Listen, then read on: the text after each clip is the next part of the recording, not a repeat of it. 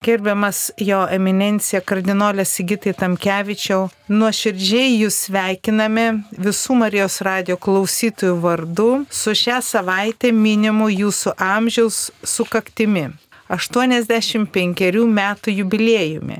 Ir jūsų nuveikti darbai, neblėstantis tikėjimas, drąsa ir ištikimybė vertybėms palėtė daugelį ir tapote šiam laikui iškelių pavyzdžių visų mūsų klausytojų vardų siunčiame ir linkime tvirtos veikatos, energijos, džiaugsmo bei gausių dangaus malonių.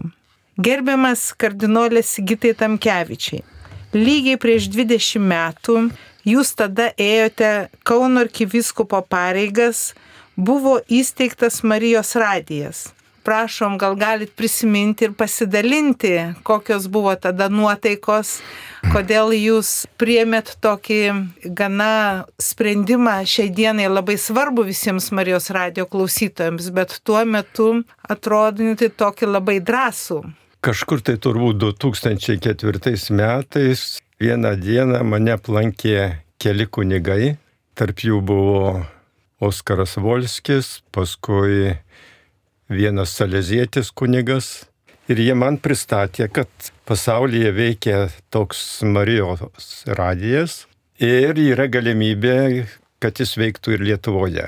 Taigi tai man beliko tik sakyti, puiku, pirmin, kurkim. Radija ta pradžia buvo tokia labai kukli, Aš iki toliai nebuvau girdėjęs jokios informacijos apie Marijos radiją, bet kaip pristatė, kaip įveikė, tai man pasidarė aišku, kad jeigu Lietuvoje turėsim tokią informavimo priemonę, katalikišką informavimo priemonę, tai tikrai bažnyčiai bus didelis laimėjimas. Todėl neturėjau nei mažiausios abejonės pasakyti taip, einam pirmin.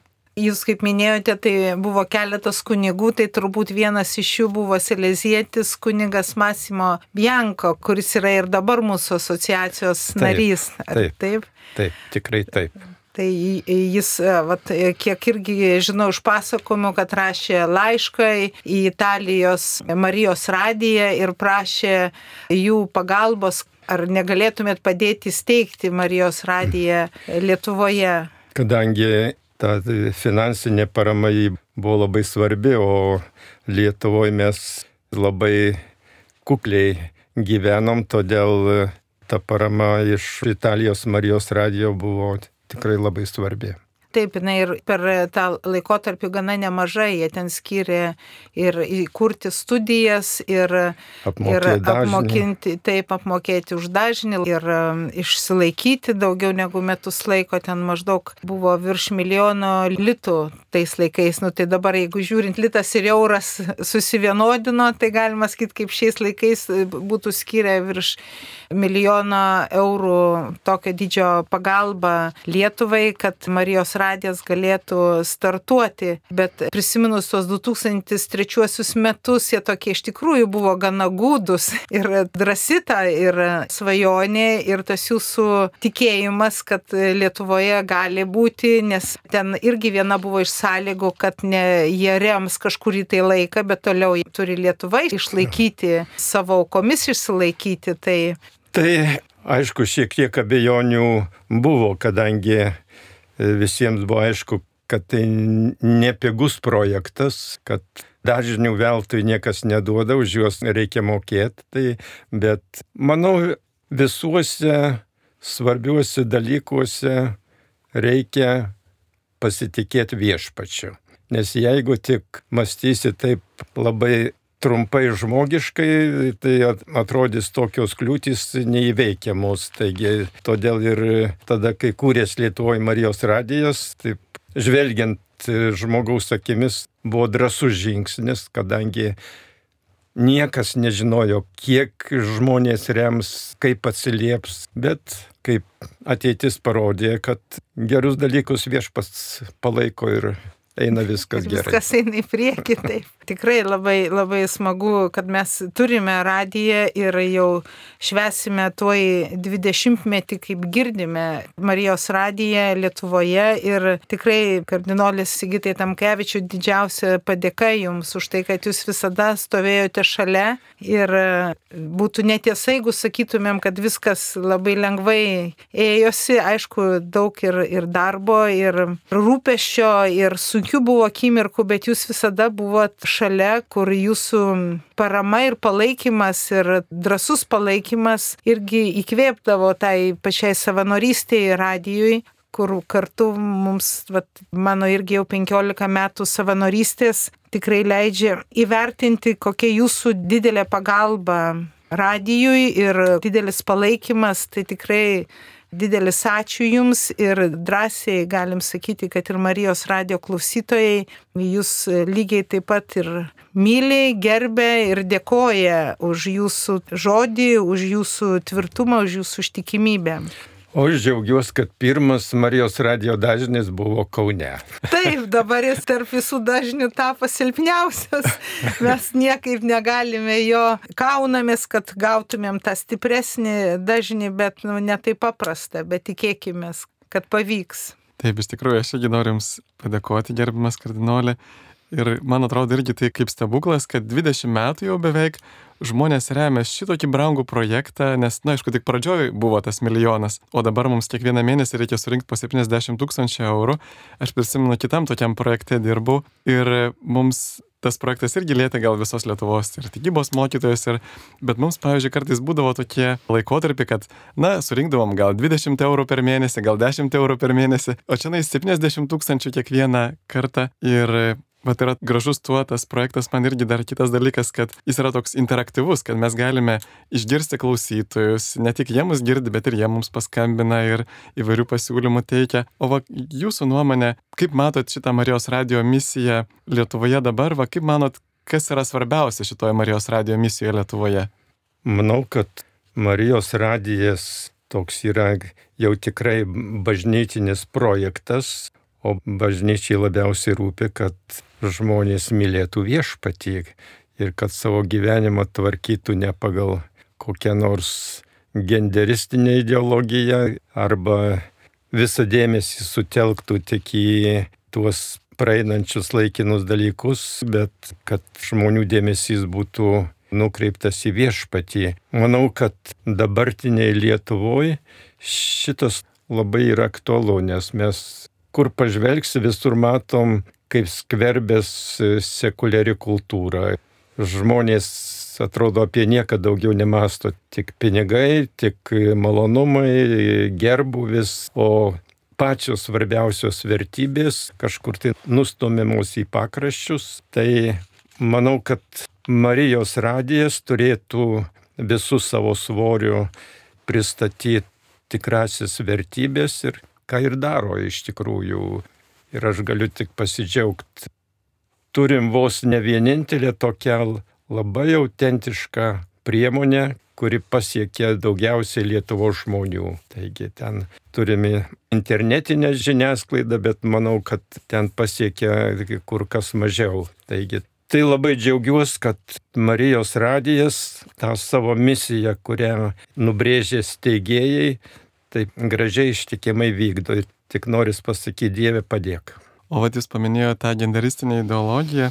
Labai dažnai tai tampa dabar takoskira tarp žmonių, va būtent, kurie vieni sako, kad štai genderizmas yra dar blogiau arba ne ką geriau už komunizmą ir kad tai yra na, tas pats marksizmas, tik tai šiek tiek pa, dabar jau apsidengia savies kailiu, kad tai yra tam tikrų teisų gynimas ir kad tai yra labai gerai, labai modernu.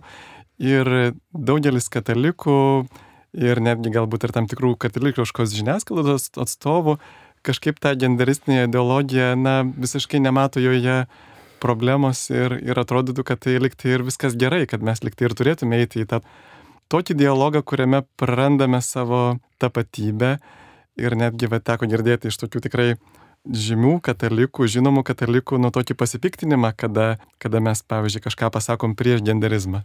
Turbūt nereikia stebėtis, kad, kad visur laisvė suteikia galimybę ir katalikams ne visai pilnai laikytis Evangelijos.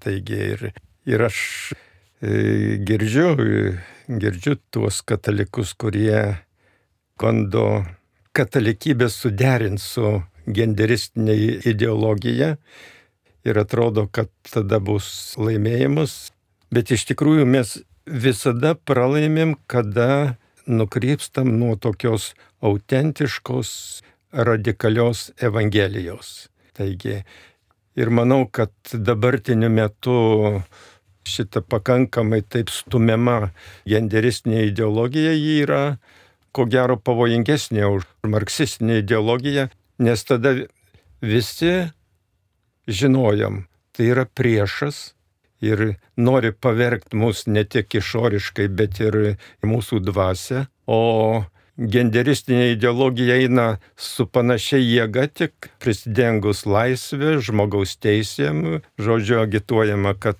visus reikia visai mąstančius gerbti ir reikia vienodai vertinti ir lytiškumą. Tai šita prasme dabartiniu metu, mano galva, genderistinė ideologija yra pavojingesnė už anuometinį marksizmą, nes mažiau sutinka pasipriešinimo. Kažkaip net ir mums katalikams bandoma įteikti, kad kaip čia bus pažeidžiamos žmogaus teisės, čia Sąjungoje tas priimtina, kaip dabar mes čia Lietuva liksime kažkur periferijoje. Taigi suranda tokių argumentų, mano galva, tai nerimti argumentai, bet žmonės veikia ir Nežinau, šiandien neturiu atsakymo, kaip Lietuvai pasiseks atsispirt. Dieve duok, turiu vilti, kad viešpats palaikys tuos, kurie stovi už tą tradicinę šeimą, už e, tikrai normalų evangelinį žvilgsnį į, į šeimos gyvenimą, į žmogaus gyvenimą. Man tai dar kaip tik va, šią savaitę nuskambėjęs sakinys Evangelijoje trečiadienį, kur yra tokia labai gražiai lūtė, kur papildo tai, ką ir jūs sakot, kur iš e, Luko Evangelijos 14 skyriaus. Kartu su Jėzumi ėjo gausios minios, gausios minios ir atsigręžęs jis tarė žmonėms, jei kas ateina pas mane, bet nebrangina manęs labiau už savo tėvą, motiną, žmoną, vaikus, brolius, seseris ir netgi savo gyvybę, negali būti mano mokinys. Kas neneša savo kryžiaus ir neseka manim, negali būti mano mokinys. Tai vad man tokia, kai jūs kalbėt ir dalinotės apie šios dienos situaciją Lietuvoje, tai vad man šitai lūtė būtent iškilo, kad Jėzaus mokslas ir kelias yra labai radikalus ir ten nėra tokių palikta galimybių, vat, pagalvokim, pasvajokim, jis labai aiškiai sako, jei kas ateina pas mane, bet nebrangina manęs labiau ar ne? Tai jeigu tu nebrangini labiau, vardina apie tai, ką žmogų liečia svarbiausiai, tėvus, artimuosius, brolius, seseris, tai ką tai reiškia su kažkokiom tai teorijom, kurios įneša daug labai kažkokio susiskaldimo ar tokio neiškumo ir mes bandome tose teorijose kažką tai atrasti, ko nematė mūsų bažnyčia ankstesniais laikais, ar ne, kur jau rodė tą kelią. Tai labai gaila, labai gaila gaila, kad per tokius dalykus mes e, toks vyksta ir bažnyčioje e, minčių susiskaldimas, bet kaip jūs ir sakėt, nu, melskimės, kad Dievas išvestų mus. Aš manau, kad šiuo metu Lietuvoje katalikų bažnyčioje dar nėra susiskaldimo. Pakankamai aiški tokia evangelinė linija, bet turint minty, su kokia jėga šita ideologija bus stumima į priekį, ateityje visko galima tikėtis, bet pasitikėkim viešpačiu, kad, kad atsilaikysim.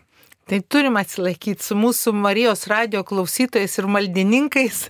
Tikrai, Taip, čia... tikrai turim atsilaikyti. Ir medis pažįstamas iš vaisių. Ir tos visos melo ideologijos kaip ta įla nuolat išlenda iš maišo, tik tai reikia tiesiog laiko. Ir, ir dabar tikrai vakarų pasaulis jau dabar mato visus tuos vaisius, kuriuos mes matėme, rytų Europos šalis matė jau po Lenino reformų, juk Leninas pradiškai įvedė tuos dalykus, kuriuos dabar įvedė gender ideologija ir, ir visi šitą vat, progresyvi ideologija. Ir mes matėm, kad tie vaisiai buvo blogi ir tas kelias pasirinktas kitas, bet va vakarų pasaulis tik tai 68-ais pradėjo tą seksualinę revoliuciją ir dabar mato vaisius ir ten tikrai džiugu, kad jau net ir, pavyzdžiui, tokios šiaurės šalis, kurios buvo labiausiai progresyvios tą linkme, kabutėse, tai jos jau dabar atšaukia, pavyzdžiui, kai kurios ten lyties keitimo visokius leidimus ir, ir šiek tiek įveda didesnius apribojimus, nes tikrai atrodo protų nesuvokiama, kaip galima duoti nepilnamečiam, kuris dar nėra susiformavęs nei savo mąstymo, nei valios, pasirinkti prieš tėvų valią, kad jis nori pasikeisti lytį. Ja. Kaip jūs įvertintumėte šitą Lietuvoje tokią susidariusią situaciją, kad būtent per šitos kadencijos Seimą, kurio dauguma buvo tokia politinė jėga, kurios pavadinime buvo krikščionis, Ir būtent jos metu įvesta na, daugiausia tokių nekrikščioniškų dalykų, kaip pavyzdžiui, ministro įsakymu įvestas medikamentinis abortas, ministro įsakymu štai ta gyvenimo įgūdžių programa, kurios litiškumo dalis visiškai yra parengta tik tai, na, genderistinės stovyklos atstovų, arba pavyzdžiui, ministro įsakymu irgi įvestas hormoninis lyties keitimas. Tokie dalykai, kurie ilgus metus neprasiskynė kelio Seime ir va štai valdant tiems, kurie prisidengia krikščionimis, mes matome, kad visi šitie dalykai atėjo į Lietuvą.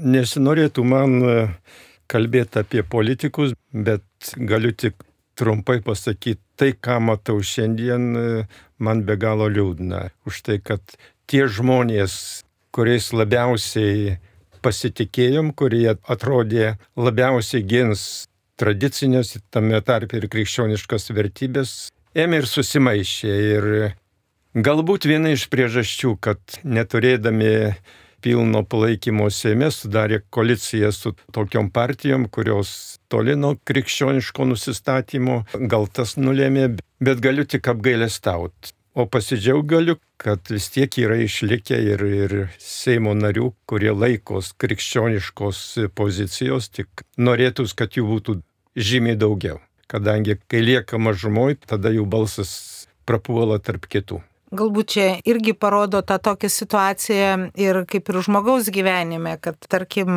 tikinčiojo gyvenime, kas įvyksta, jeigu jisai praranda drąsą ir pradeda eiti į kompromisus su savo sąžinė, tada, kaip sakyt, laimėtojų nebūna. Tai galbūt čia irgi tokia pat situacija turime, kai dauguma surinkusi balsų partija, bet neturinti daugumos Seime, galbūt vat, irgi darė kažkokius kompromisus ir prarado galbūt ir tą savo veidą ir nedaugiau laimėjo, bet gal daugiau pralaimėjo. Aš jums pilnai pritarčiau ir nes turiu labai gerų pavyzdžių iš sovietmečio.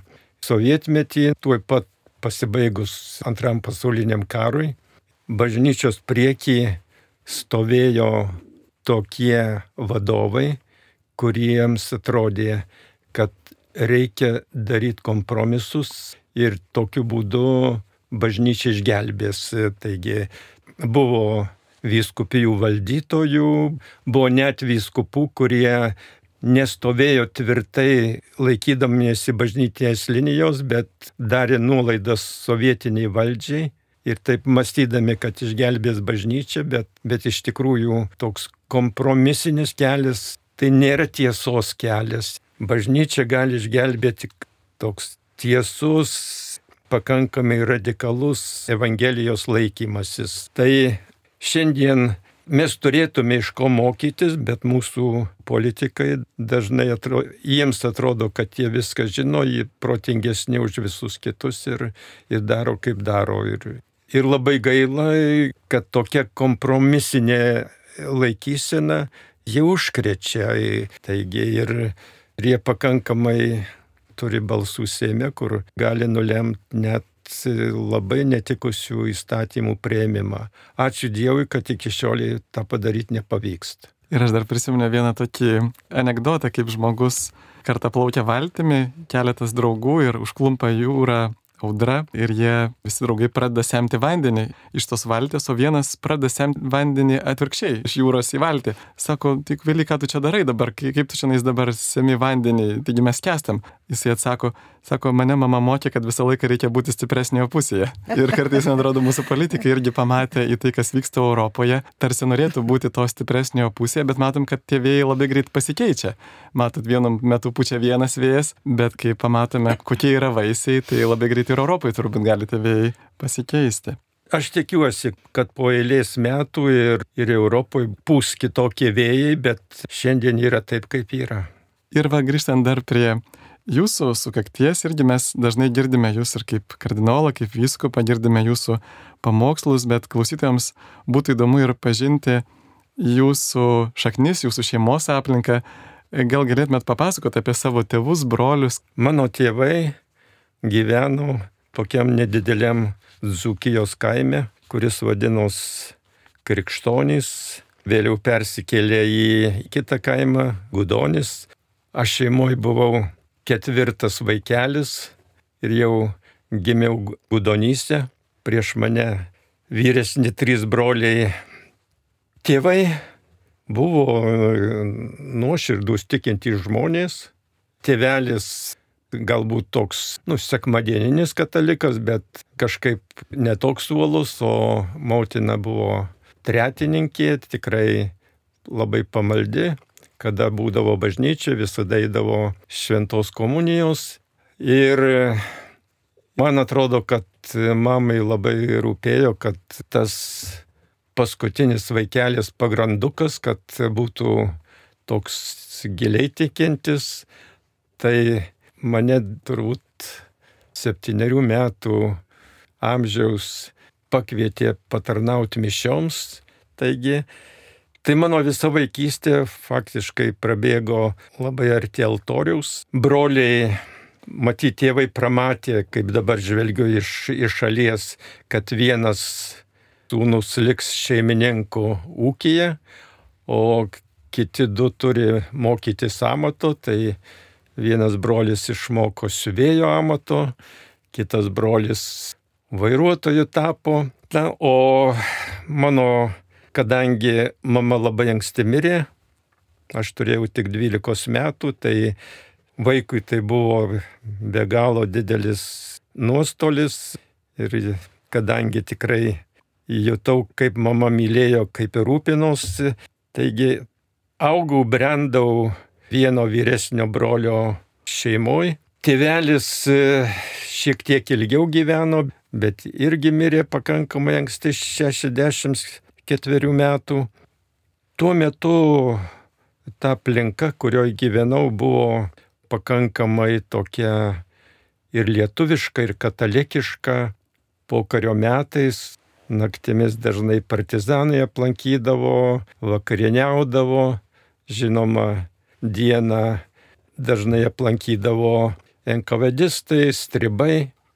Tai tokia mano buvo tokia vaikystė ir jaunystė iki 11 klasės pabaigos į mokyklą reikėjo 8 km pėstute nueiti ir sugrįžti. Tai, tai beveik 2 valandas eidavot. Tai buvo nelengva, o kai jau bebaigiant vidurinę nupirko dviratį, tai buvo tiek džiaugsmo, dabar tiek džiaugsmo neturi. Kada reikia šiol važiuoti. Kai automobilį įsigyja. Taigi, tai Dėkoju Dievui iš tikrųjų užtikinčius tėvus, nes jeigu tokie tėvai nebūtų buvę, tai nežinau, kas iš manęs būtų išėję, gal koks nors kolūkio pirmininkas. o kardinolė, o jūs svajojat, kokia jūsų bus svajonė, kuo būti? Svajonė būti kunigo jie atsirado pakankamai anksti, turbūt kokioj devintoj klasėje. Pirmiausia, ta svajonė neatsirado atsitiktinai. Vaikystėje mano parapijoje Krikštonyse nuo enkavedistų slapstės Saleziečių vienuolijos direktorius Antanas Keltys. Taigi jis gyveno pas tokią davatkėlę ir mane vaikas supažindino man atrodo, turėjo per daug drąsos, nes vaikas galėjo įsiplepėti, taigi, bet žinoma, prigrasė, kad niekam jau nepasakočiau. Ir su šituo kunigu Antanu Skelčiu teko dažnai bendrauti. jis manęs tikrai nei apie kunigystę, nei apie vienuolystę nieko neragino, bet dabar, kai žvelgiu jau iš šalies, tai man atrodo, jo įtaka tikrai buvo, buvo labai didelė. Kitas žmogus, kuris prisidėjo prie mano pašaukimo, tai buvo pranciškonas broliukas, kai sovietinė valdžia pranciškonus išvaikė Kretingoje, tai tas broliukas parvažiavo pas savo giminės ir parvažiuodamas parsivežė daug knygų.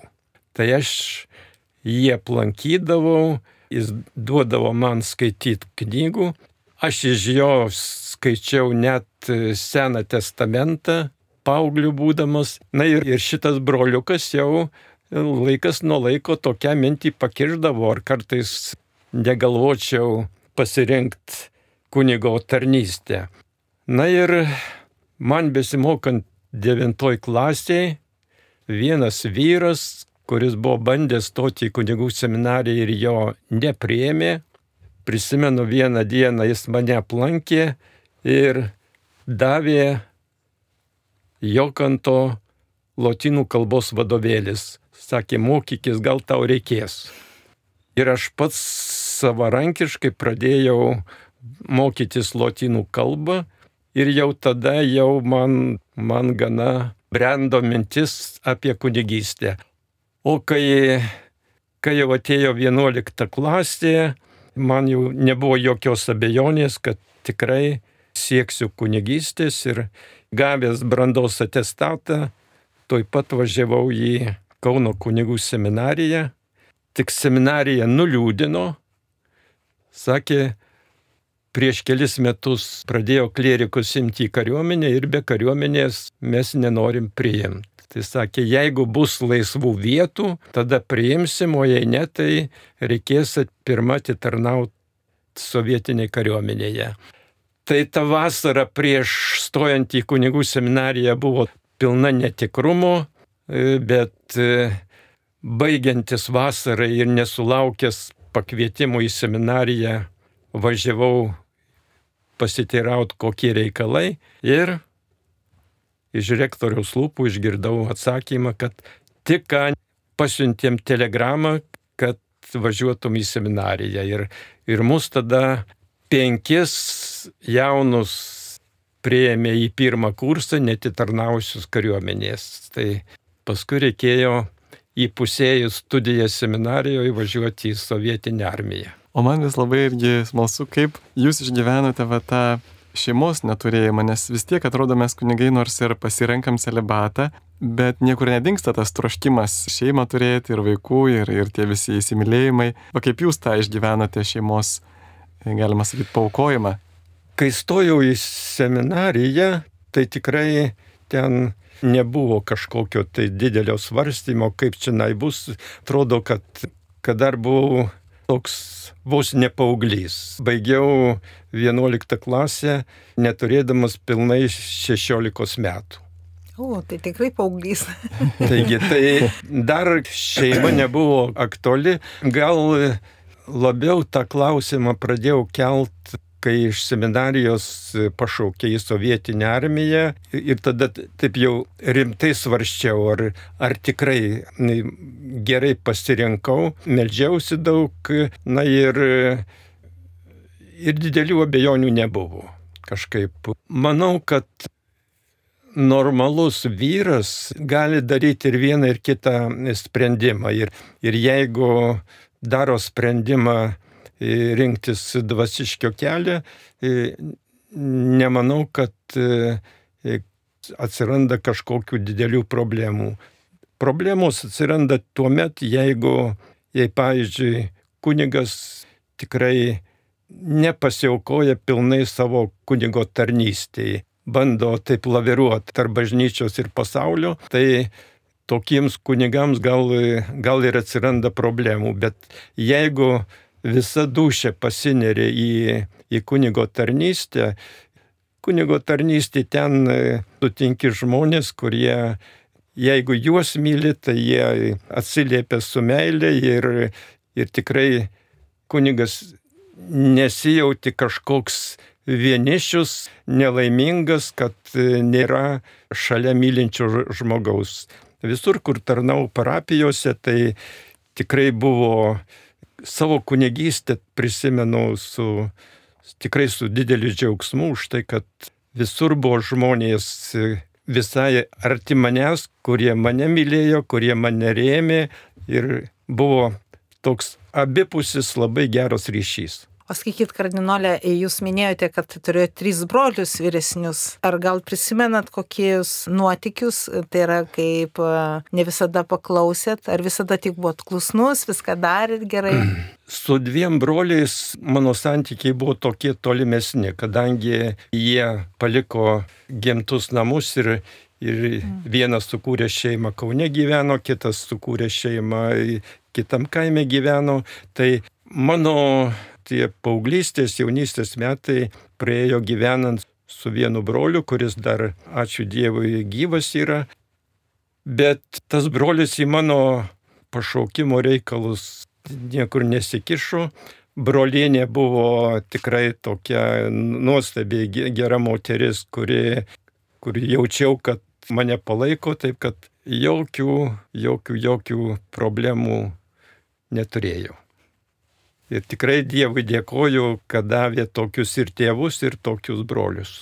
O mes Dievui dėkojame, kad turime jūs, kad jūs pasirinkot ir atsiliepėt į pašaukimą ir tapot kunigu, vėliau vyskupu, arkivyskupu, kardinolu, kur dar kartą sveikindami jūs dėkojame. Dėkojame pirmiausiai už tai, kad esate tikras kad jumis galima pasitikėti ir semtis iš jūsų pavyzdžio. Tad tikrai visų klausytojų vardų linkime sveikatos, ištvermės, džiaugsmo, ramybės ir kuo gausių Dievo dangaus malonių. Ačiū Jums ir tikrai už pavyzdį. Mums jauniems kunigams labai yra svarbus pavyzdys va tų kunigų, kurie ne šiaip sau gyveno tokiu patogiu laiku, patogiu gyvenimą, bet va kovojo prieš, galima sakyti, visą Sovietinę sąjungą, prieš tą didžiulį slibiną ir visgi laimėjo su Dievo pagalba, tai mums tikrai yra pavyzdys išmokti irgi tos kovos taktikos mūsų dienomis. Kunigui tik reikia tikrai visą širdim atsiduoti savo tarnystę ir mylėti žmonės ir tada viskas bus gerai. Amen. Ir gal galėtume dar palaiminti ir mus, ir mūsų klausytojus. Viešpat su jumis. Ir su tavimi. Garbė viešpaties vardui. Dabar ir per amžius. Te padeda mums viešpats. Dangaus ir žemės kuriejas. Te palaimina jūs visagadis Dievas, tėvas ir sūnus ir šventoji dvasia. Amen. Dieve laimink Marijos radiją, Marijos radijo darbininkus, savanorius ir visus visus klausytojus. Ačiū Jums ir mes irgi primenam ir Jums klausytojai, kad tikrai yra gera pradžia su Marijos radiju padaryti ir jau 20 metų tęsiasi ir prašom jūsų, kad jūs ir toliau mus remtumėte, prisimintumėte ir savanoriste, ir malda, ir auka. Sudė. Sudė.